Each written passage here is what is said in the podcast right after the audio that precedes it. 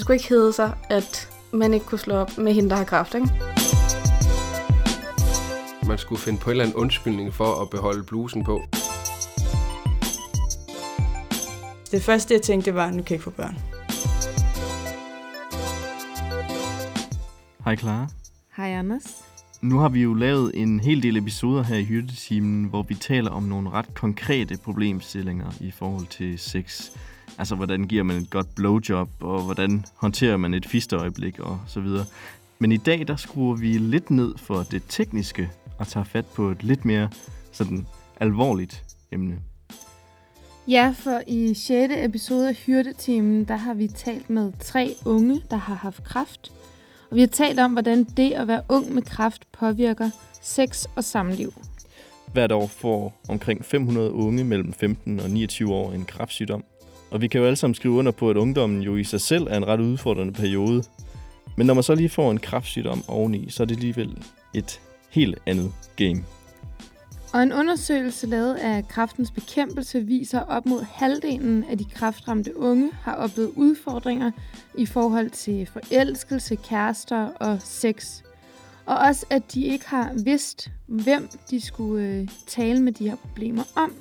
Den her episode af Hyrdetimen er vores lille bidrag til at åbne op for samtalen om nogle af de her udfordringer og bekymringer, der opstår, når man som ung rammes af kræft. Og måske kan det også være en inspiration til, hvordan man som ven eller pårørende kan være der på den bedste måde. Så her kommer 6. episode af Hyrdetimen. God aften og velkommen til jer tre, og tusind tak, fordi I vil komme og, øh, og være med. Øhm, vi har jo lige siddet alle tre og grinet lidt af det her med, at, øh, at I skal vælge, no- at I har valgt nogle plantenavne som aliaser. Så jeg tænker, at det vi gør, det er, at vi starter med en lille introduktionsrunde, hvor at I øh, lige får lejlighed til at sige, hvilket plantenavn øh, I vil bruge her i aften. Måske knytte et par ord, hvis det giver mening til, hvorfor I har valgt de her navne. Og også fortæller lidt om jeres øh, historie og baggrund. Jeps, og Ja. jeg har valgt at kalde mig en chili. Mm. Og det har jeg, jeg har lige siddet og tænkt lidt over det, og det har jeg simpelthen af den grund, at den kan, øh, jeg tænkte på, at det var den hårde kerne, simpelthen, ja. at øh, udenpå, der er chilien jo faktisk ikke ret meget. Men øh, hvis man øh, graver lidt i den, eller bider i den, så har den en meget, meget stærk og, øh, og øh, ulidelig kerne. Så det tænker jeg, at, at jeg var den hårde kerne, tænkte jeg. Ja, Ja. ja. Ja, det var, det var lidt øh, min begrundelse. Eller det blev det i hvert fald. Mm. Jeg har øh, haft øh, modermærkekræft, og øh, det var et modermærke, der sad på ryggen. Det var i virkeligheden nogle øh, kammerater og nogle kolleger, som opdagede det her modermærke. Øh, og mine forældre havde også i længere tid været opmærksomme på det. Men øh, jeg er ikke personen, der ligesom render til lægen, hverken i tid eller utid. Min øh, mor ender med at få en akut tid til mig hos min egen læge, og øh, vi kommer ned til lægen, og han skærer det her modermærke væk. Og han siger, der er ikke noget i det her modermærke. Det mener han bestemt ikke, der er. Men han skal sende det ind, så det gør han. Og så tror jeg, der går en 10, 12, 14 dage, så ringer han mig op og siger, at nu bliver jeg simpelthen nødt til at komme ned til ham. Så det gør jeg, og øh, jeg kommer ind og får så at vide, at der var altså kraft i det her modermærke her. Jeg gør så det modsat solsikke, at jeg hiver min mor med ind, Ja. fordi jeg er ikke overbevist om, at jeg kan sige det her, som lægen kan sige det. Mm. Altså jeg vil gerne have, at hun kunne høre det sammen med mig i virkeligheden. Og øh, det er lidt mærkeligt, fordi jeg ender med at sidde og kigge på klokken, og øh, tænke, at jeg skal på arbejde. Mm. Og øh, jeg tager på arbejde, og øh, egentlig er alt, som det plejer. Men øh, man kan godt mærke, at, at, øh, at hvis jeg har nogle kunder, der kunne finde på at sige, øh, fortsat god dag, så kunne jeg godt finde på at slå dem. Ja. Ja, rimelig hårdt endda. Øh, mit, mit forløb var meget kort i virkeligheden, fordi jeg blev diagnosticeret i øh, februar 16, og blev faktisk erklæret kraftfri igen allerede i april 16. Okay. Ja. Så meget, meget hurtigt efter, at jeg fik den her diagnose, der blev jeg opereret to gange under øh, begge arme. Fik fjernet nogle, øh, hvad hedder de, øh, hvad er det, de hedder? Lymfer, mm. som øh, det har spredt sig til. Og så blev jeg faktisk rimelig hurtigt derefter øh, erklæret kraftfri. Ja. ja. Så det var meget, meget hurtigt forløb. Vi giver den videre. Vi giver den videre med udets retning. Mm, ja, jeg har valgt at være en rose. Øhm, jeg har fået tatoveret to på højre arm. Blandt andet fordi det symboliserer kærlighed og liv. Så jeg synes, det er bare generelt min yndlingsblomst, faktisk. Ja. Øhm, med min øh, kraft, der øh, startede det hele med, at jeg var på øh, i gang med min uddannelse på grundforløb 2 som maskinearbejder, og så kunne jeg mærke, at jeg fik sådan ondt i maven. Og jeg tænkte, det var sådan nok sådan menstruationssmerter. Øhm, men det føltes ikke rigtigt som menstruationsmad. Det var sådan en virkelig mærkelig rumlen spænding i maven-agtigt. Og øh, jeg gik og spurgte en, øh, en anden pige, der var på, på smeduddannelsen, om, øh, om hun havde prøvet det før. Så sagde hun, at det kunne være min mave, at det var forstoppet så måske. Og, og det var det heller ikke. Og så holdt det op, så tænkte jeg ikke mere over det. Fordi jeg går normalt ikke rigtig til læge. Jeg tænker, det går væk af sig selv. Og så øh, min daværende kæreste, jeg havde der, øhm, hun fik så set, da jeg lå ned, at sådan, jeg havde sådan en bue, som spurgte, hvad jeg gemte den under min trøje. Så træk op i min trøje så jeg gemmer der ikke noget. Så kunne vi se ligesom den her bule i højre side af min mave, at den, den stak sådan forholdsvis meget ud, og så sagde jeg, at det må da bare være en muskel. Og så sagde hun, prøv at hvis det er en muskel, så havde den der anden også set sådan ud. Nå ja, det kunne der nok godt være noget om. Jamen, så, øh, så måtte jeg jo tage til lægen, og så, øh, hvad hedder det, fordi min øh, daværende kæreste, hun var blevet bekymret, så ville hun godt køre mig til læge, så hun tog tidligere fri. Og øh, den her læge her sagde så, jamen det, det kunne godt være en syste, og, men de indeholder oftest øh, væske og det. Øh, så det er bare en, der skulle fjernes. Men hun ville godt lige sende mig til et hospital, så de lige kunne give mig nogle scanninger af det. Så tog vi til Nykøbing øh, sygehus, og øh, der fik jeg så øh, taget en masse blodprøver, og så fik jeg også taget nogle, øh, øh, hvad hedder det så, ultralydsscanninger, sådan indvendige og udvendige. Og øh, der sagde de, at øh, der var en øh, forholdsvis ret stor syste på omkring de der 12-14 cm. Øh, og den så egentlig meget godartet ud. Og så fik jeg lov til at kigge med på et tidspunkt, hvor jeg kunne se, at der var bare den her mørke plet på skærmen. Og derefter så øh, henviste de mig til et andet sygehus, fordi at jeg skulle have taget en øh, anden scanning for at se, om man kunne finde ud af, hvad den indeholdte. Øh, og det var jo så, hvor man skal drikke det her flydende, dejlige kontrast. øhm, ja, så jeg kom til at kaste op. øhm, så der blev billederne meget utydelige. Øhm, men så var det så, at Roskilde, de ville rigtig gerne have taget en øh, scanning på mig, fordi at de ville øh, rigtig gerne tjekke det her. De synes, der var noget mærkeligt ved min scanning.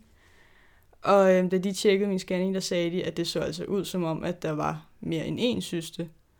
Og at øh, de var meget i tvivl om, når der var så mange øh, spredt på et område, fordi de sad på æggestokken, at så, øh, så var det meget mærkeligt, hvis det var godartet. Mm. Så jeg skulle være forberedt på, at det kunne godt være underartet. Øh, men man var stadig lidt i tvivl, fordi man vidste stadig ikke, hvad de her syster indeholdte. Så øh, sagde de, at der var specialister på Odense Universitetshospital. De var specialister inden for øh, livmorområdet og, og kræft også. Så øh, jeg blev henvist dertil. Og så min mor tog med. Hun øh, havde en veninde inde i Odense. Så min mor, hun, øh, hun var der, og så blev jeg opereret der.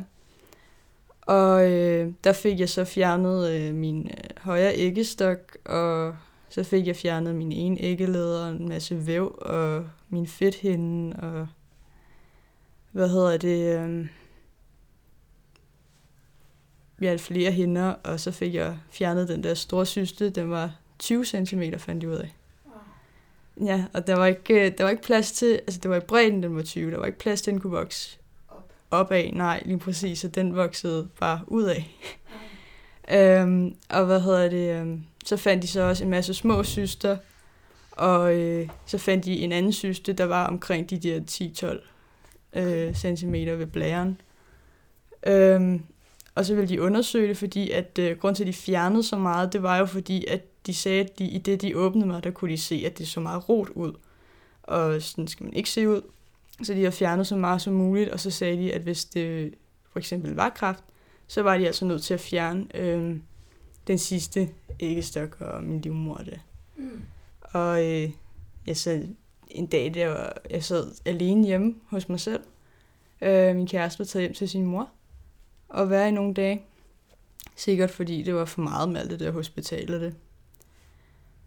Øh, jeg blev faktisk også sendt hjem juleaftensdag. Øh, det er der blev opereret første gang, så der kom jeg hjem til min kærestes far, så fejrede vi jul der. Så var jeg nødt til at lægge mig flere gange.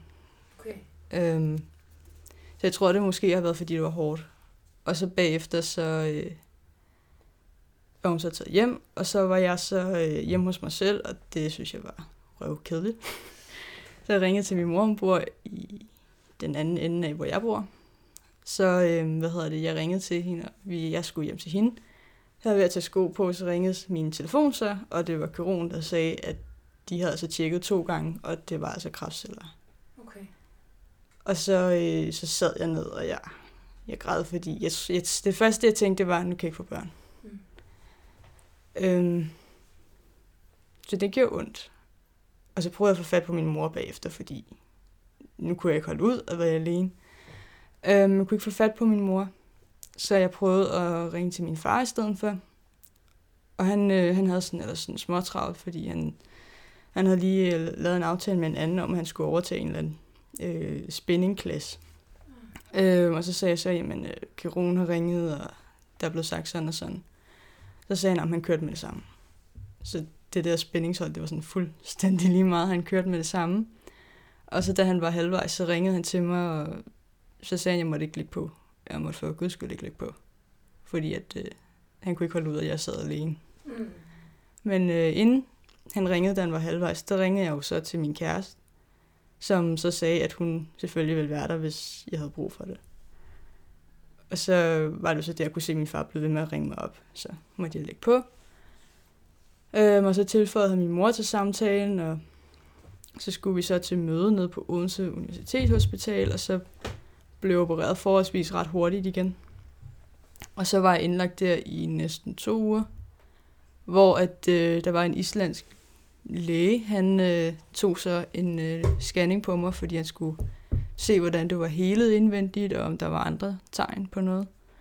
Og øh, der fandt de en mørk plet ved min tarm, mm. og så gør jeg mig så op igen, og fandt ud af, at, øh, at det var nogle lymfeknuder, og så var det hende øh, ved tarmene, der var påvirket også. Okay. Øhm, så de sagde, at jeg skulle øh, også have kemo i seks behandlinger, skulle jeg have. Og hvor lang tid siden er det her? Jamen, jeg blev jo erklæret rask her øh, den 12. juli. Så det er faktisk forholdsvis ret nyt. Tillykke, eller hvad man siger. Det er så skønt. Ja, ja. tak for den øh, introduktion. Det var perfekt. Så har vi øh, den sidste, aften, sidste levende billede deltager. Ja, jamen øh, jeg har valgt øh, solsikke, ikke fordi der var nogen videre grund til solsikke, men fordi jeg måske ikke kender så mange plantenavne. øhm, jeg ved ikke, jeg øhm, har, har haft, må jeg vel i princippet godt sige nu, Ewing-sarkom, som er en type knoglekræft. Øh, den har siddet i lårbindsknoglen, men helt ned i knæet. Øhm, og jeg fandt ud af det ved at jeg vågnede sådan øh, typisk midt om natten med altså kæmpe hæde elefantben og bare havde de vildeste smerter. Altså som om, at der bare var et eller andet helt vildt galt. Ikke? Øhm, og øh, så blev jeg, så tog jeg til lægen, til praktiserende læge, og fik at vide, at nej, det var nok en, en miniskade, eller en, noget, eller noget brusk, eller noget, der sad forkert, eller noget. Så jeg blev henvist videre til øh, noget ortopædkirurg, og kommer, øh, kommer ind på altså i sådan et typisk øh, lægekontor, eller hvad man skal sige, med en, en læge, der sidder foran sin computerskærm, og en, en, en, en sygeplejerske, øh, der sad og agerede sekretær ved siden af, også foran en computerskærm. Øh, og jeg havde min, øh, min mor og min kæreste med, og, og den første sådan, jeg nåede kun lige at sætte mig ned, så var den første sætning ud af den her læsemund bare, at jamen, det er jo, det er jo desværre unartet. Øh, så, så må man jo, ligesom, så tager man den derfra, ikke? Mm. Øh, der var jo ja, tusind spørgsmål, ikke? Øh, og altså selvfølgelig har man lidt den der reaktion af at blive ked af det og bange, og hvorfor, hvorfor lige mig, og hvor, hvad har jeg gjort galt, og, og hvad, hvad har jeg gjort galt, altså sådan med min krop, siden at den reagerer på den her måde, og, og sådan, altså, øhm,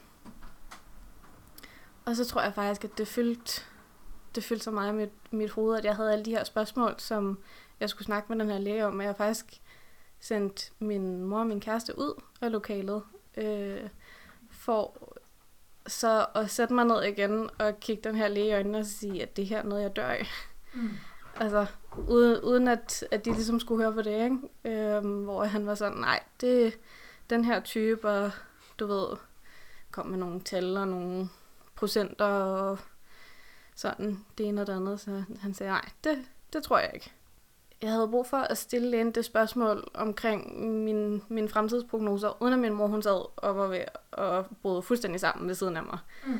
For det første. Og for det andet, så havde jeg bare brug for at, at have så meget stillhed, at jeg kunne være i mit eget hoved, fordi der var jo bare alle de her tanker, som bare... Puh, det var svært at... Det var svært at håndtere på en eller anden måde, så jeg, jeg havde bare brug for lige at have to sekunder, hvor jeg bare lige kunne tænke over, hvad det var, der var vigtigst at spørge om lige nu og her. Ikke? Ja. Øhm, ja. ja, det tror jeg var, øh, og så bare fordi, at, at altså, det lyder måske rigtig dumt, men altså, hvor end bange og ked af det og alt muligt andet man bliver, så, øh, så, så er det bare rigtig hårdt at se sin, sin nærmeste sidde og, og bryde fuldstændig sammen. Mm. Altså, det var bare, det er rigtig hårdt at sidde og se sin mor græde ved siden af, ikke? Ja. Øhm, og min kæreste, der bare var altså, helt i chok. Ja. Altså, fordi selvfølgelig øh, vidste vi jo godt, hvad der var, jeg var til udredning for, men, men det, det skal altså for naboen, ikke? Jo. altså, ja. Så, øhm, så ja. Tak for, øh, for den her introduktion. Hvad var den så den største udfordring øh, i forhold til jeres parforhold, ja, der var i det, og, og for dig det her, øh, øh hvad kan man sige, i forhold til, til dating-livet? Øh, jeg synes meget banalt faktisk, at det var det kosmetiske ja. i virkeligheden. Ja. Øhm, fordi jeg er endt op med at have et stort ar på ryggen, og så har jeg under hvert arm øh, et ar på en 12-14 cm. Ja. Øhm, og det er i virkeligheden meget grænseoverskridende og, og, og, og skulle være nøgen eller have tøj i dag øh, under sex. Gør du noget anderledes nu så, når du skal være nøgen med en, med en anden person? Øh, I starten gik det meget ud på for mig enten at beholde en t-shirt på, eller at, øh, at der faktisk var, øh, var helt mørkt. Ja. ja. Det øh, var meget vigtigt for mig. Øh, og, og, og på en eller anden måde, så var det lidt skørt, fordi man skulle finde på en eller anden undskyldning for at beholde blusen på. Øh, øh, hvilket er, er, er meget unormalt. Øh, man kunne lidt bedre slippe afsted med, at der skulle være helt mørkt. Øh, gøre det lidt mere spændende, eller lidt mere erotisk, men, men, men, men, øh, men det, var, det var det, jeg ligesom gjorde, eller altså, ja. Ja, men det har ændret sig lidt? Det, det har det, det har det helt sikkert. Øh, nu, er det, nu er det over to år siden, at jeg blev erklæret kraftfri, øh, og, og det er noget, jeg har arbejdet enormt meget med. Ja. Men, men jeg vil sige, det er blevet, blev, øh, øh, bedre for mit eget vedkommende og, og nemmere. Nu er det lidt mere... Det er faktisk lidt... Nu ved jeg ikke, om jeg i det her form kan tillade mig at sige sejt, men, men når man har sådan et ar, og så egentlig fortælle historien på, altså, så, så er der alligevel lidt at snakke om, ja. når det er. Og hvad, er det, hvad var det for en sådan frygt eller bekymring, du har omkring, hvordan folk vil reagere, hvis du tager t-shirten af, eller når du tager t-shirten af? Det er faktisk svært at beskrive, fordi i virkeligheden så tror jeg, at det er noget, øh, man personligt har. Altså i virkeligheden så tror jeg, at folk de er ligeglade med, hvordan man ser ud øh, på ryggen ja. øh, eller under armene, fordi det er jo ikke der, det, det, det hele det foregår. Mm. Øhm, så, så jeg tror i virkeligheden, at det har været noget psykisk. Ja. Og så tror jeg egentlig, at de her historier med knivene og øksene, det ligesom har været en slags flugt for at få det lidt over på noget andet, fordi det er, altså for mig har det faktisk taget de her to år og, og, og faktisk komme igennem det her forløb her. Øhm, fordi jeg nåede egentlig aldrig rigtigt at mærke mit forløb, fordi det var så kort, som det var. Og så har det først taget mig de her to år ligesom at få det gennemtænkt og, og tænke, hvad var det, der er sket, og hvad er der sket, og hvad skal der ske? Og Ja, tak. Hvad med, hvad med jer andre? Jeg ved ikke, om det har været sådan en udfordring som sådan. Jeg kan bare huske, at jeg synes, det var meget vigtigt, at, at selvom at man jo selvfølgelig tænker på, hvad man selv føler, når man får sådan en diagnose eller får sådan en besked, øhm, så var det også meget vigtigt for mig, hvad min kæreste følte og tænkte og, og så videre. Han er måske bare ikke typen, der sådan uopfordret deler sine følelser. Øhm, der, der skal man sådan lige prikke lidt til ham, eller hvad man skal sige. Jeg kan huske, at, øhm, at jeg synes, at, at det var svært, sådan ligesom, at jeg gerne ville snakke rigtig meget om det, og hvad jeg følte, og hvad jeg tænkte, og hvad jeg var bange for, og, og at han bare sådan helst ville være i sine egne tanker omkring det, fordi at han bare helst ville, ville være der for mig på en eller anden måde. Ikke? Mm. Øhm, og det, det kan jeg huske i starten, der synes jeg, det var rigtig svært. Var der noget særligt, du sådan gerne ville vide hans tanker om, eller særligt sådan... Det, jeg tror bare, måske jeg gerne ville vide, at han også tænkte, at vi kom igennem det her. Hmm. Øh, jeg vil bekræftelse på. have en bekræftelse på, at han troede, at jeg ligesom også ville overleve det her, ikke? Altså på en eller anden måde. Ja. Øhm, og at, at, øh, at, at få en eller anden bekræftelse på, at han også altså, ville mig, og selvom jeg var syg, ikke? Selvom jeg var gået i stykker. Ja. I går sådan. Altså det... Øh, ja, jeg tror bare, jeg søgte en eller anden form for, for øh, bekræftelse eller anerkendelse på en eller anden måde, som, som jeg nok ikke rigtig har tænkt over, at det var det, eller nok ikke rigtig sådan har, har kunne sætte ord på, at det var det, jeg ville have, men som jeg på en eller anden måde alligevel sådan søgte. Ja. Øh, ja. Ja. Ja, jeg tror næsten ikke, jeg kan forklare det bedre. Og når du siger sådan gået i stykker, Ja. hvad, hvad tænker du med det? Jamen, jeg tror, jeg havde meget følelsen af, at, øh, at altså for mig, der, det er jo at kræfte, det er jo dine egne celler, der ligesom, der ligesom udvikler sig forkert. Øhm, og for mig var det også meget det der med, at jeg følte, at, at øh, eller jeg havde sådan en, sådan en følelse af, at nu fordi at det sad i benet, at jamen, så var benet ikke en del af mig mere. Altså sådan, så hvis det, hvis det havde besluttet sig for, at det skulle have kraft, jamen så, så er det heller ikke lov til at være med i klubben mere. Nej. Øhm, ja.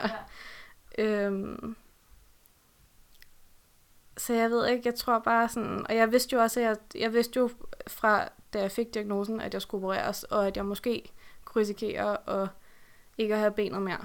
Ja. Øhm, så jeg tror, altså når jeg, når jeg siger gået i stykker, så er det jo også fordi, at jeg har, ja, jeg har to, to ar på benet, der strækker sig fra midt på låret og til midt ned på skinnebenet, og så har jeg også, det var så ikke planlagt, men jeg har også et ar fra ja, ind i armhulen og hele vejen ned til hoften i den ene side, og har også nogle andre små ar og sådan noget, og, og biopsiar og sådan i det hele taget, og sådan også en masse ja, kosmetisk i virkeligheden, men, men, altså, men også øh, ja, mangel på, på følelse i benet, og jeg skulle egentlig have startet studie. Jeg startede også studie, men, men kom ikke rigtig til forelæsningerne, og kunne, var i hvert fald ikke i stand til at komme op til en eksamen på det tidspunkt, da jeg skulle have været til eksamen, og sådan, så for, altså, også gået i stykker på den måde, at jeg bare ikke rigtig følte, at jeg kunne være det samme for ham mere, som jeg havde kunnet før min diagnose.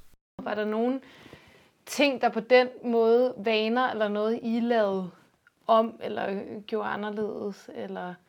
Altså, jeg tror ikke, vi satte nogen sådan regler for os selv på den Nej. måde. Og så tror jeg også, at det har han i hvert fald sagt efterfølgende, at, at det der med, at jeg ikke, altså for jeg har mange gange sagt til ham, at det skulle ikke være sådan, det skulle ikke hedde sig, at man ikke kunne slå op med, med hende, der har kraft, ikke? Altså, mm. fordi jeg var også bange for, at han, at han havde den der følelse af, at han var, jeg følte måske lidt, at han ville være for sød til at slå op med mig, hvis han ikke følte, at han havde lyst til at være i forholdet, bare fordi jeg var syg, ikke? Ja. Øhm, så det skulle ikke hedde sig, at, øh, at jeg forventede, at han bare stadig ville være sammen. Altså, og det skulle ikke hedde sig, at han ikke, at han ikke havde retten til at sige, jeg vil ikke det her mere, hvis det blev for hårdt. Og det, det, altså det har han sagt efterfølgende, at det, at det gjorde meget for ham. Det der med, at han ikke følte, at, at der var at der var tvang i det. altså, at, at, øh, at på en eller anden måde, at jeg også stadig blev ved med at, at tænke på det som værende et forhold, og ikke som værende ja, altså et gammelt ægtepar, hvor man bare ligesom forventer den anden af dig, ikke? Ja. Fordi vi var jo også sådan forholdsvis nye kærester på det tidspunkt. ikke? Ja, jeg tænker, at det må også gøre noget alligevel ved øh, intimitet, mm. at man har det så skidt. Ja. Øh, Nu kan jeg overhovedet ikke sammenligne det, men sådan det der med at være syg er jo heller ikke der, man så har lyst til at putte eller kysse eller øh, have sex eller sådan noget der, ikke? Øhm. Nej, jeg ved ikke. Altså, jeg blev, meget, jeg blev rigtig puttesyg, når jeg havde det dårligt. Sådan virkelig, virkelig meget. Også fordi, jeg, at det der kemo der, det gjorde, at jeg enten frøs helt vildt, også selvom der var 30 grader udenfor. Ja. Eller så havde jeg det helt vildt varmt. Øh, så, øh, så når jeg havde de der, hvor jeg frøs, og bare sådan nærmest rystede og frøs, så var, altså, blev jeg helt vildt puttesyg. Altså, så jeg tror ikke, vi har ikke haft noget problem med det der med sådan, jeg har hele tiden i mit forhold haft den der lyst til at være tæt på. Ja. Øhm, men altså, men så har jeg også haft rigtig lange perioder. Altså, jeg havde tre måneder, hvor jeg var indlagt på Rigshospitalet, ikke? Og det er, lidt, det er lidt svært at være tæt på hinanden og være kærester, når man ligger i en hospitalseng 90 procent af tiden, ikke? Hvad gør man så der? Jamen, jeg ved ikke, jeg tror...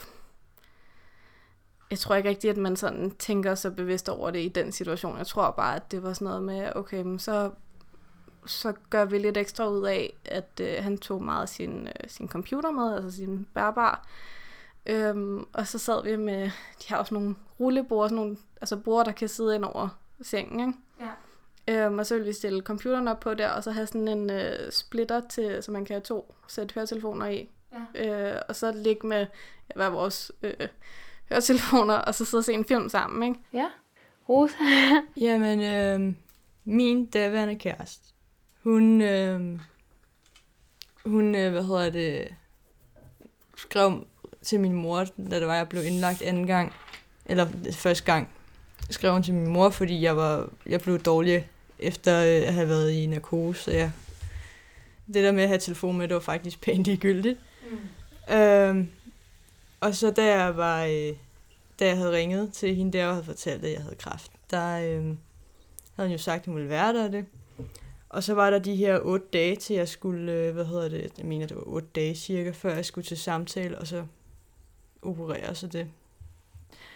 Og der, øh, der ringede jeg sådan, hun, bor i Vordingborg, og hun har bil. Øhm, og jeg sagde til hende, at jeg havde bare virkelig brug for, at hun lige var der. Øh, fordi jeg havde kun fået at vide, at jeg havde kræft, og at der skulle ske det og det og det. Mm. Jeg havde bare ikke fået at vide, hvor stor muligheden for at overleve var. Øhm, så jeg var selvfølgelig bange for, hvad nu, øh, hvis jeg ikke ser hende igen. Ja. Øhm, så jeg, jeg ville jo rigtig gerne have, at hun skulle være der, men hun gad ikke køre fra Vordingborg til Næstved hele tiden, sagde hun. Okay.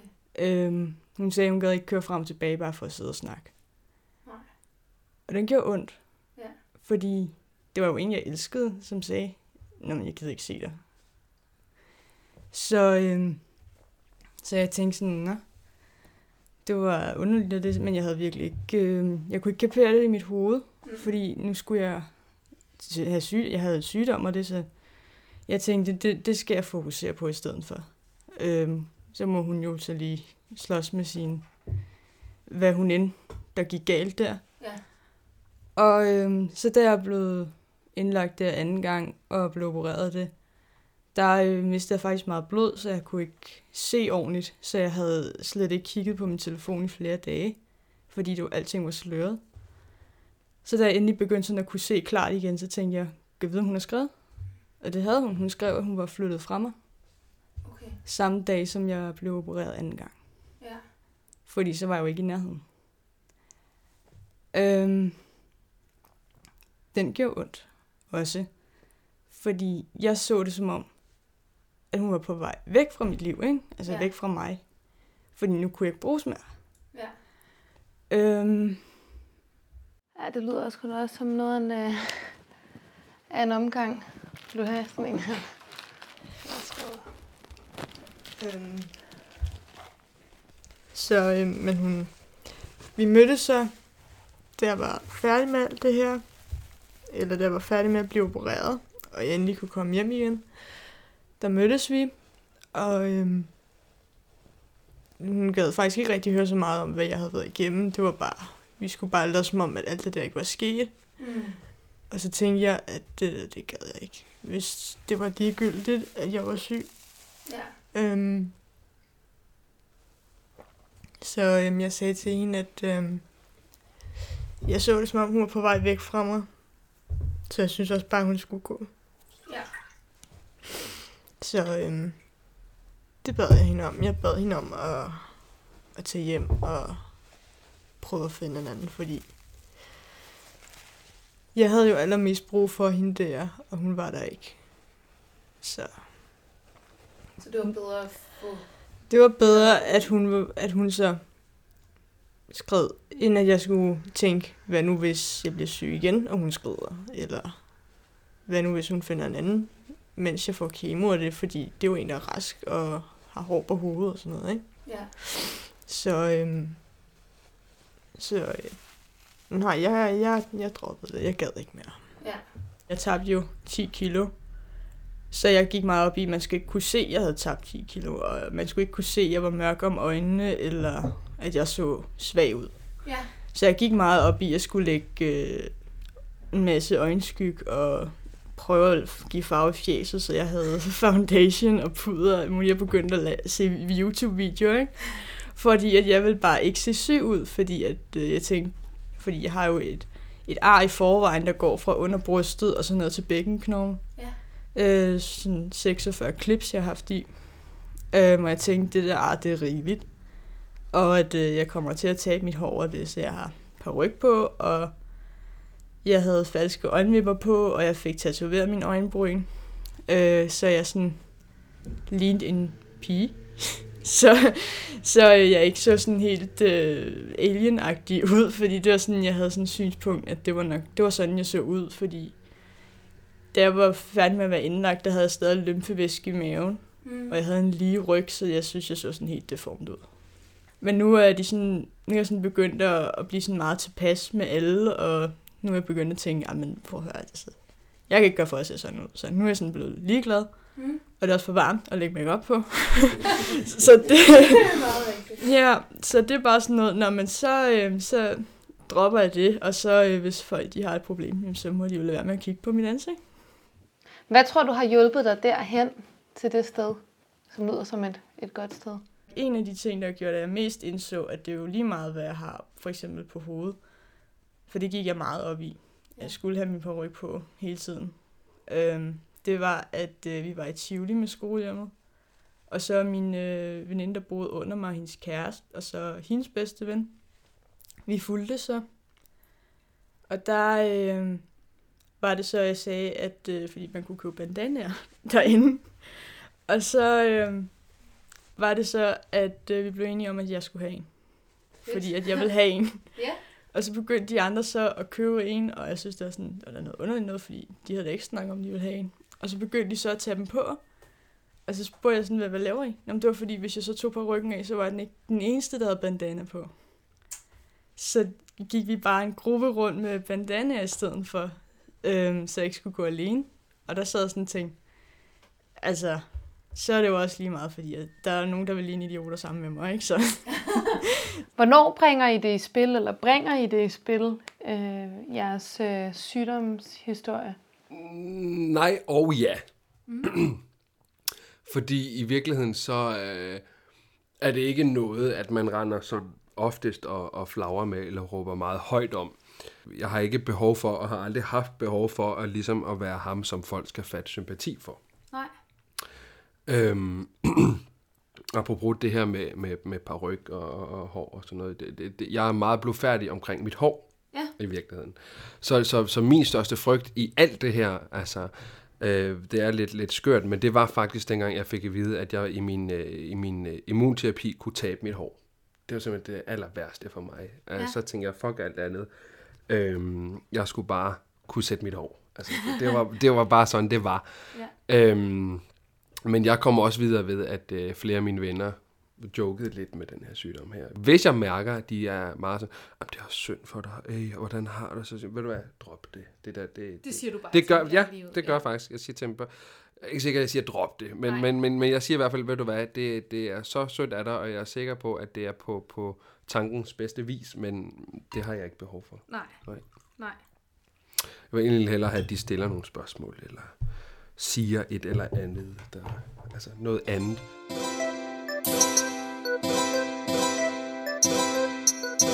Så noget af det, jeg har tænkt på, at vi også skulle øh, tale lidt om her i, i dag, det er øh, spørgsmålet om lyst. Så jeg kunne godt tænke mig at spørge jer, hvordan blev jeres lyst til, øh, til sex påvirket under jeres sygdomsforløb? Mm, altså, inden jeg fik øh, at vide af kræft, og jeg blev opereret første gang, der havde jeg stadig sådan lysten. Ja. Men der var det min øh, daværende kæreste, der var bange, fordi jeg havde det der sådan kæmpe klamme ar der. Ja. Øh, så hun var meget forsigtig, men øh, vi prøvede. Ja. Øh, og hvad hedder, det er meget svært, når man ikke må bruge mavemuskler. øh, og hvad hedder det, jamen, så da det var, øh, alt det med efter, eller i, mens under min øh, kemobehandling, der, øh, der synes jeg overhovedet ikke, jeg havde nogen former for tanker generelt over det, eller lyst, eller noget som helst. Det var ligesom, når de andre, når mine venner og veninder, de snakker om deres sexliv, så havde jeg sådan tænkt, gud, er det fordi, jeg får fjernet livmoderen, jeg ikke kan mere, eller hvad er det, der sker? Ja. Og jeg sådan tænkte, nej, nu, nu, nu har jeg aldrig nogensinde lyst til en anden en mere, fordi at den, jeg har ikke nogen livmor. Øh, så viste det sig, at det havde overhovedet ikke noget med min livmor at gøre. Øh, det havde bare noget at gøre med, at øh, hjernen den tænker, nu skal jeg igennem det her først, og så alt det andet, det er sådan fuldstændig lige meget, ikke? Ja.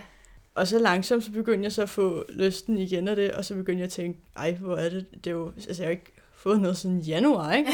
Så jeg begyndte sådan helt at blive sådan, ej, ikke? Fordi nu er det jo lang tid siden. Og mine venner, de begyndte sådan, jamen skal vi hjælpe dig? Nej, I skal sgu da ikke hjælpe mig med at finde nogen for helvede. Jeg har ikke brug for, at der er andre, der sådan lige tager, sådan, nå, jamen, vi har forresten en, hvis det er. Nej, det, jeg kan nok godt selv, hvis det skulle være, ikke? Ja. Øhm, men, men de, de er også sådan begyndt at spørge ind til sådan, "Nå, men hvad, hvad tænker du så nu? Og sådan, nå, det ved jeg ikke, det sker, men det sker, tænker jeg. Sex bliver en eller anden, på en eller anden vis overflødigt. Det gjorde det i hvert fald for mig. Ja. Altså, jeg sidder og tænker meget intens lige nu, øhm, og, og, og så vidt jeg sådan kan, kan regne ud, så, så tog det mig faktisk sådan en halvanden års tid egentlig efter mit, mit, øh, mit forløb egentlig at komme ind i den her sexrytme igen, hvis man Ja. kan sige det sådan. Altså Ja. at få tankerne omkring og lysten omkring sex. Øhm, fordi i forhold til mit, øh, min forløb med, med scanninger og med øh, immunterapi og med de operationer, der nu har været, så der, der bliver sexen bare på en eller anden måde overflødig. Altså det, Ja. ja. det er ikke Det er noget, så man... langt ude fra Ja, fokus. ja, det er ikke noget, man, man egentlig har behov for, egentlig. Altså, Hvordan føles det så at komme tilbage sådan i, i gamet, hvis man kan kalde det det? det føles godt. Øh, øhm, jamen, det er faktisk mærkeligt, fordi det der med lige pludselig igen at kunne mærke behovet og lysten til hinanden. Mm. Øhm, øh, ligge på sofaen og ligge med en eller anden, anden person, og så have lyst til, til personen. Eller, altså, det er i virkeligheden ret fantastisk at mærke det igen. Er det så ligesom at køre på cykel? Sådan, man kan sgu godt huske, øh, huske det, når man først har lært det, eller skal man lige sådan... Det, det, for mig var det sådan lidt faktisk at komme i gang igen. Altså, det, det er sådan lidt mærkeligt. Øhm, man skulle lige... Nå ja, det var da også, øh, det var da også meget rart. Og, og, men, men altså, det, ja, det, det var det. Det glemmer man nok aldrig. Og heller ikke at køre på cykel eller stå på rulleskøjter.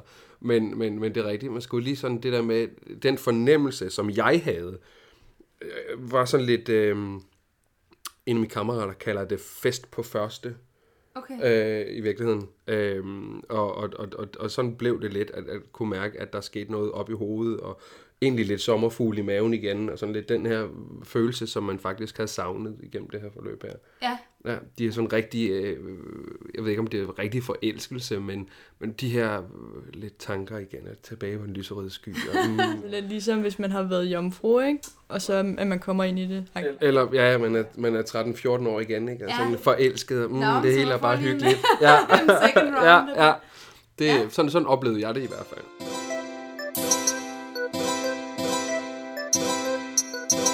Jeg kunne godt tænke mig at spørge jer om øh, de tabuer, der følger med en øh, kræftsygdom. hvad var det for nogle tabuer, som I mødte fra jeres, øh, dem I datede, eller de kærester, I havde, osv.? Øh, Jeg oplevede blandt andet, når jeg fortalte, at jeg havde kræft, så kommer der en og siger, ej, det døde min farmor også af, ikke? Og det er sådan, kan du nævne en, der sådan ikke døde af det? Fordi det er sådan en smule upassende, når man sidder og har det, man kun får at vide alle dem, som ikke har overlevet det. Og så alt det der med lidenhed, man får. Mm. Sådan, du skal ikke øh, tænke på det, fordi du er syg, og sådan, ja, det ved jeg godt, jeg tager i byen for at glemme det, så du kan jo ikke fortælle det, ikke? Ja. Sådan noget, det, men øh, samtidig, jeg, jeg vil hellere snakke om det, end at folk, de sådan begynder sådan, og sådan, de sådan, som om jeg er en baby, som om jeg kan ikke klare mig selv. hvad gør folk så? Så er det jo sådan noget, jamen, øh, hvad hedder det, om de sådan skal hjælpe mig med sådan, og hvad hedder det, for eksempel, øh, ja, rykke en stol eller sådan noget, så, ej, du har jo, du, har, du er jo syg, ja, men jeg skulle da ikke øh, handicappet, jeg kan da godt. Du sagde også noget med, at din daværende kæreste ikke var så meget for det store ar, øh, du havde. Hvordan oplevede du det? Min kæreste havde svært ved det, fordi, øh, fordi vi gik jo i bad sammen, og det gjorde jeg i starten øh, af mit forløb der også rigtig meget, fordi at jeg havde det med at blive svimmel, fordi jeg havde mistet så meget blod. Så jeg blev svimmel, så jeg skulle have en med mig i bad. Det var jo lidt normalt, at min kæreste tog med mig, ikke? Og så øh, gik vi så i bad, og så skulle hun jo så se på det her, øh, øh, det her store ar, jeg havde. Og, øh, og så hjalp mig med at bevæge mig og sådan noget, fordi det kunne jeg ikke selv. Så, øh, men det, hun øh, prøvede at undgå at kigge på det, og var bange for sådan at, at, at holde om mig, og når vi skulle sove, var hun bange for at, at putte med mig, fordi hvad nu, hvis hun ramte mit ar og det. Og øh, jeg blev en smule irriteret til sidst, fordi jeg ville bare have, at hun var der, så jeg var lidt ligeglad med mit lortear. Og hvad med dig, Solsikker? Har du oplevet nogle, nogle, nogle tabuer øh, sammen med, eller nogle, nogle ting, som var svære at, at tale om sammen med din kæreste? Jeg følte ikke, at jeg havde sådan en, et emne, jeg ikke kunne snakke med nogen om. Øh, det synes jeg ikke, jeg har oplevet. Men jeg synes, at jeg har oplevet, at, at der har været ting, som, som altså sundhedspersonale ikke vil snakke om. Og det, altså der er nogle, der er nogle forskellige ting, men altså, men, men der har bare, at det, altså man burde jo, man, man burde jo, eller man, jeg ved ikke, jeg tænker bare, at umiddelbart, så skulle man jo kunne snakke med, med sin sygeplejerske og med sin læge om alt, ikke? Og det, det følte jeg bare måske ikke, at jeg kunne sådan helt på samme måde, som jeg, som jeg gerne havde, jeg havde ville i hvert fald på nogle tidspunkter. Det var det for eksempel. Øh, jamen, også noget med... Altså for eksempel, jeg fik taget en, en æggestok ud øh, for at, at prøve at bevare øh, og, og være at kunne få barn bagefter, efter hele det her forløb, fordi at, at kemo jo også er ret hårdt for, for andre celler end, end bare kræften. Øhm, og da jeg ligesom skulle tage den beslutning, eller hvad man skal sige om, hvordan jeg skulle forholde mig til det, og hvordan jeg sammen med min kæreste skulle forholde mig til det, der følte jeg måske lidt, at det var en, en beslutning, vi stod lidt alene om. Og man har været kærester i et år, og man er, vi var begge to 21 på det tidspunkt, øhm, så får den der besked sådan, jamen enten så skal vi, så skal vi, øh, altså, tage et æg ud, og så skal vi befrugte det med din kærestes sæd, og så kan vi fryse det ned, og så kan det blive til et barn på et tidspunkt. Eller så skal vi tage en hel æggestok ud. Det bestemmer du selv. Og sådan lidt, så står man der og sådan lidt, okay, det... og det skal jeg så beslutte på fire timer, fordi jeg skal vide, om jeg skal opereres i morgen. Nå. Når man er Jamen, 21. du ved, og havde været sammen med sin kæreste i et år, ikke? Altså, jeg, jeg ved ikke, det, det synes jeg bare... Øhm, det synes jeg ikke, jeg fik snakket nok med lægen om. Og jeg synes ikke, jeg fik snakket nok med, med andet sundhedspersonale bagefter om det. Og hvad jeg egentlig kunne forvente bagefter. Så det har været... Altså det, jeg ved om, om hvad jeg kan forvente øh, for fremtiden med fertilitet, det er noget, jeg selv har skulle læse mig frem til. Og selv har skulle øh, spørge flere forskellige øh, sundhedspersonale om, før jeg fik et svar, jeg var tilfreds med. Jeg tror, at vi, kan jeg jo godt tillade mig at sige, er en, en lidt overset gruppe, fordi rigtig mange, som jeg snakker med, og rigtig mange, som jeg hører, så er det øh, folk på 60 og derover, som rammes af kræft, og som øh, er, er, er lidt de her områder, som, som behandles med kræft, og dem man altså hører om. Øhm, så de unge, det er som om, at, at folk ikke rigtig får øjnene op for at kan se, at, at, at unge mennesker altså også godt kan få kræft. Det, det glemmer folk lidt. Jeg tænkte på det her med fertilitet. Øhm, to ting. Det ene var det der med, hvad, hvad tænkte du så i de der timer der, hvor du skulle beslutte det? Og det andet var, at det noget, du også har efterfølgende øh, talt med dine øh, altså veninder om, for eksempel? Jeg tror, jeg brugte rigtig meget energi på at snakke med min kæreste om det, fordi at jeg synes, at det var lige så meget hans beslutning, eller hvad man skal sige, ikke? Altså, fordi vi fik lidt, at vide, lidt firkantet at vide, at jamen, der er bedre chancer for, at, at det kan blive til noget, hvis det er befrugtet, og det, det kan også godt blive til noget, men det er ikke helt sikkert, hvis det ikke er befrugtet. Jeg havde bare lidt den der, sådan, jamen, det skal jo heller ikke være sådan så, at, at jeg smider hele den chance væk på, hvis, hvis vi så finder ud af, at vi ikke skal være sammen alligevel. Altså, det, det, øh, det tror jeg var sådan, hvad, hvad det min konklusion blev. Øh, men øh, jeg tror, at, at øh, der, var, der var meget gråd involveret. det tror jeg, det var det, der var mest involveret i de fire timer der. Og så var det altså snak frem og tilbage med min kæreste om, omkring, hvad jeg egentlig lige skulle gøre i den situation. Øh, altså, jeg tror også bare måske, jeg tænkte, at, øh, at jamen, hvis ikke, at, at øh, altså, i det hele taget havde jeg jo ikke rigtig overvejet, om, om det der med børn, om det var, om det var noget, jeg skulle. Mm. Øh, fordi, det, det, det ved jeg ikke. For mig, der var det ikke noget, jeg tænkte over som, som 21-årig. øh, og jeg tror også, at det andet, jeg tænkte, var, at jamen, der er jo også andre måder at, at få familie på, end, end selv at skulle, skulle producere børn. Mm. Øhm, så jeg tror, at det var det, der sådan ligesom blev... Øh, det var det, der ligesom blev, blev øh, afgørende for, hvad min beslutning blev. Ja. At, at, øh, at jeg bare fik taget en æggestok ud. Ja. At, øh, at jamen altså, hvis man rigtig gerne vil have en familie, så er der jo masser af børn derude, der, der mangler en familie at være hos, ikke? Øhm, så det, det tror jeg var det der sådan, det var det jeg, det var det jeg nok mest tænkte. Ja. Øh. Men hvis jeg lige skal prøve at spørge igen, altså hvad, hvad var det største tabu, som I oplevede, eller som I stadig oplever, i forbindelse med jeres kræftsygdom? Jeg har faktisk ikke oplevet det vilde altså, de vilde tabuer blandt mine venner og familie, som sagt. Øhm, jeg tror, det eneste, jeg ligesom har, har oplevet, det er det her med døden. Så, så, så derfor har det egentlig været vigtigt for mig at være utrolig åben omkring det, og hvis folk har vel spørge, så skulle de bare spørge, og jeg skulle nok svare.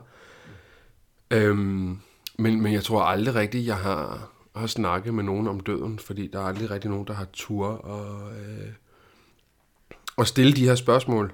Øhm, i forhold til den her død, som, som, som jeg oplever rigtig mange er bange for. Jeg har været på, som sagt, folkemøde på Bornholm, hvor at vi rendte rundt med nogle skilte, hvor der stod spørg mig. Og øh, der var en, som rendte med det her skilt, som, som, hvor der stod så spørg mig om, om død, som sagde, det er lidt som om, at folk de går udenom mig. Når folk de så, så spørger mig dog, så kunne man godt se, så fik man øjenkontakt, og så ville folk egentlig gerne, når man så vendte skilt om, og der stod død, så er det som om folk de ligesom tænkte, nå, der er også noget derovre i den anden side. Så det er i virkeligheden ikke bare blandt venner og familie, det er i virkeligheden bare blandt folk generelt, at jeg har oplevet det her med døden. Øh, at det har været meget, meget stort tabu. Og det sagde du, det har du også lavet, oplevet? Ja, øh, fordi da jeg skulle opereres tredje gang, jeg var smadret af medicin og det. Øh, der gik jo fra min anden operation til min tredje operation, gik der seks dage. Så øh, jeg havde ikke overskud, så jeg havde faktisk taget fat i en sygeplejerske og sagt, at at de kunne slukke for mig, for jeg ville ikke. Øhm, og der var det, at min mor og far, de begyndte sådan, det, det skulle jeg ikke sige, og nu skulle jeg kæmpe og alt muligt, ikke?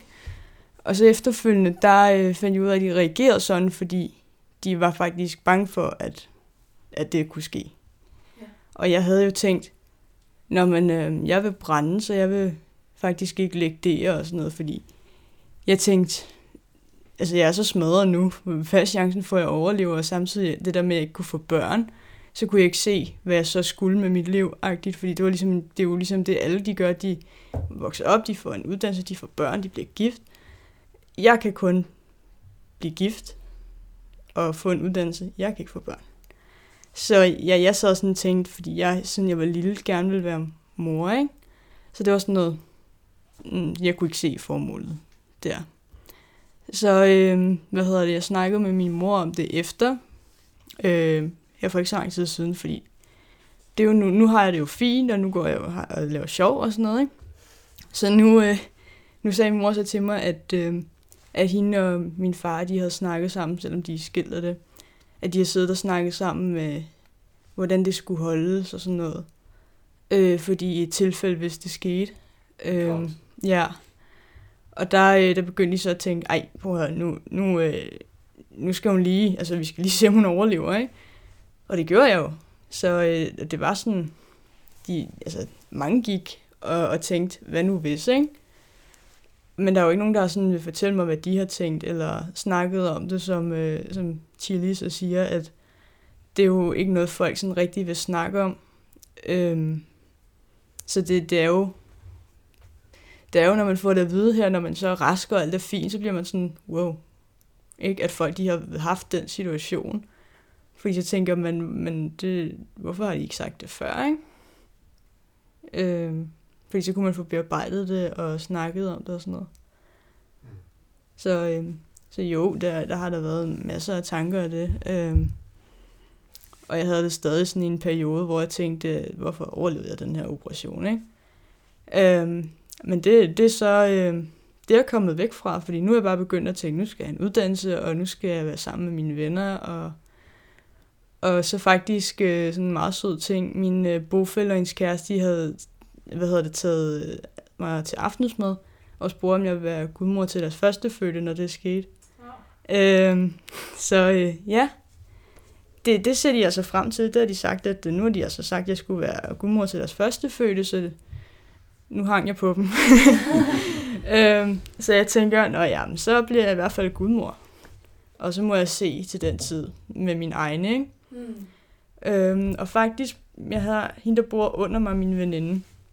Hun spurgte, fordi det var en tanke, hun selv havde, at hvis jeg nu fik det igen, øhm, om jeg så ville kæmpe lige så meget, eller om jeg bare ville give op. Så sagde jeg, at det kommer meget an på, hvordan mit liv ser ud. Mm. Fordi hvis det ser stadig ud som, øh, at jeg kun har et job at se til, så tror jeg sgu egentlig ikke, jeg vil. Øh, men hvis jeg har adopteret nogle børn, eller jeg er gudmor til et barn, jeg virkelig elsker, jamen, så er der jo ikke nogen, der får lov til at røre det. Og så er det bare super sjovt. Hvis jeg er syg, så må jeg blive rask, ikke?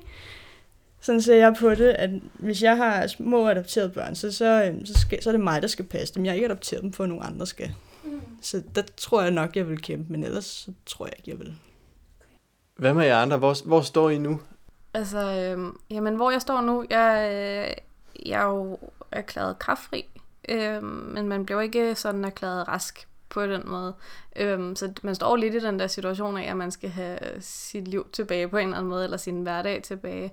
Jeg har ikke nogen, eller jeg har ikke nogen, nogen forestillinger om, at, at jeg skal tilbage til mit, mit gamle liv som sådan, men jeg har en eller anden forestilling om, at jeg stille og roligt skal, skal tilbage til en eller anden form for en, en ny hverdag sammen med min kæreste. Hvad med dig, Chili? Jeg er i virkeligheden blevet bedre til det her med at sætte grænser og sige fra. Øhm, I starten tænkte jeg faktisk ikke så meget over, at jeg skulle lave mig selv om, fordi det... Øh, altså, jeg har altid kørt øh, ud af en lige landevej, og det er det, jeg siger. Altså, går den, så går den, og sådan har jeg altid været. Øhm, men jeg er begyndt at, at, at tage en dag ad gangen, og det er, altså, det er virkelig kedelig kliché. Altså, det her, det er virkelig... Øhm, jeg sætter enormt øh, meget pris på at, at tøffe rundt derhjemme i sådan badetøfler. Øh, en kop kaffe i hånden, og så candies på anlægget. Altså, så, øh, så kører det bare for mig. Øhm, og jeg sætter meget pris på tid med venner og familie. Jeg vil egentlig hellere spise en, en middag med mine venner hjemme hos mig, eller hos dem, end at, end at rende i byen. Øhm, så, så, så jeg kommer egentlig lidt fra, at, at, at mit, mit liv bare har, har kørt af, og så skulle man pludselig tage stilling til en masse ting hen over sygdomsforløbet øh, til at mit liv er gået i automatpilot under sygdomsforløbet, og så til nu her efter faktisk at øh, sætte pris på en masse ting, som man egentlig ikke har sat pris på før. Og det er så jævnt kedeligt klichéagtigt, men, men det er bare sådan, det er, og det kommer automatisk. Altså man kommer til at tænke på, har jeg egentlig brug for det her, eller behøver jeg at gøre det her? Øhm, samtidig har jeg også både med øhm, inspiration fra min mor og fra en rigtig, rigtig god veninde, har jeg lært øh, øh, at bruge den her pyt-knap. Altså, øh, spiller man et glas vin på skjorten, eller går der hul i t-shirten, så pyt. Altså, jeg har prøvet noget, der var lidt værre end det. Øhm, jeg gider ikke rigtig diskutere med mine venner. Bliver de sure? Ved du hvad? Så pyt. Altså, det er... Det, det, og det er bare... Undskyld udtryk, men jævn kedeligt, men det er bare sådan, det er blevet. Altså, det, det tror jeg bare ikke, man kommer udenom, faktisk.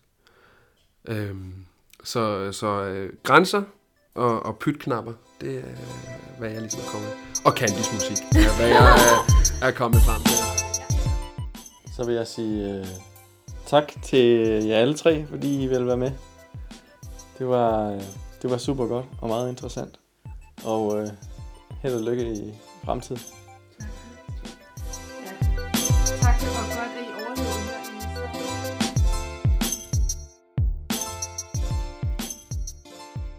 Du har lyttet til Hyrdetimen af Clara Rubin og Anders Holmgaard. Musikken stod kunstneren SK for med nummeret Here I Come. Mange tak fordi du lyttede med, og husk at følge Hyrdetimen på Instagram og Facebook.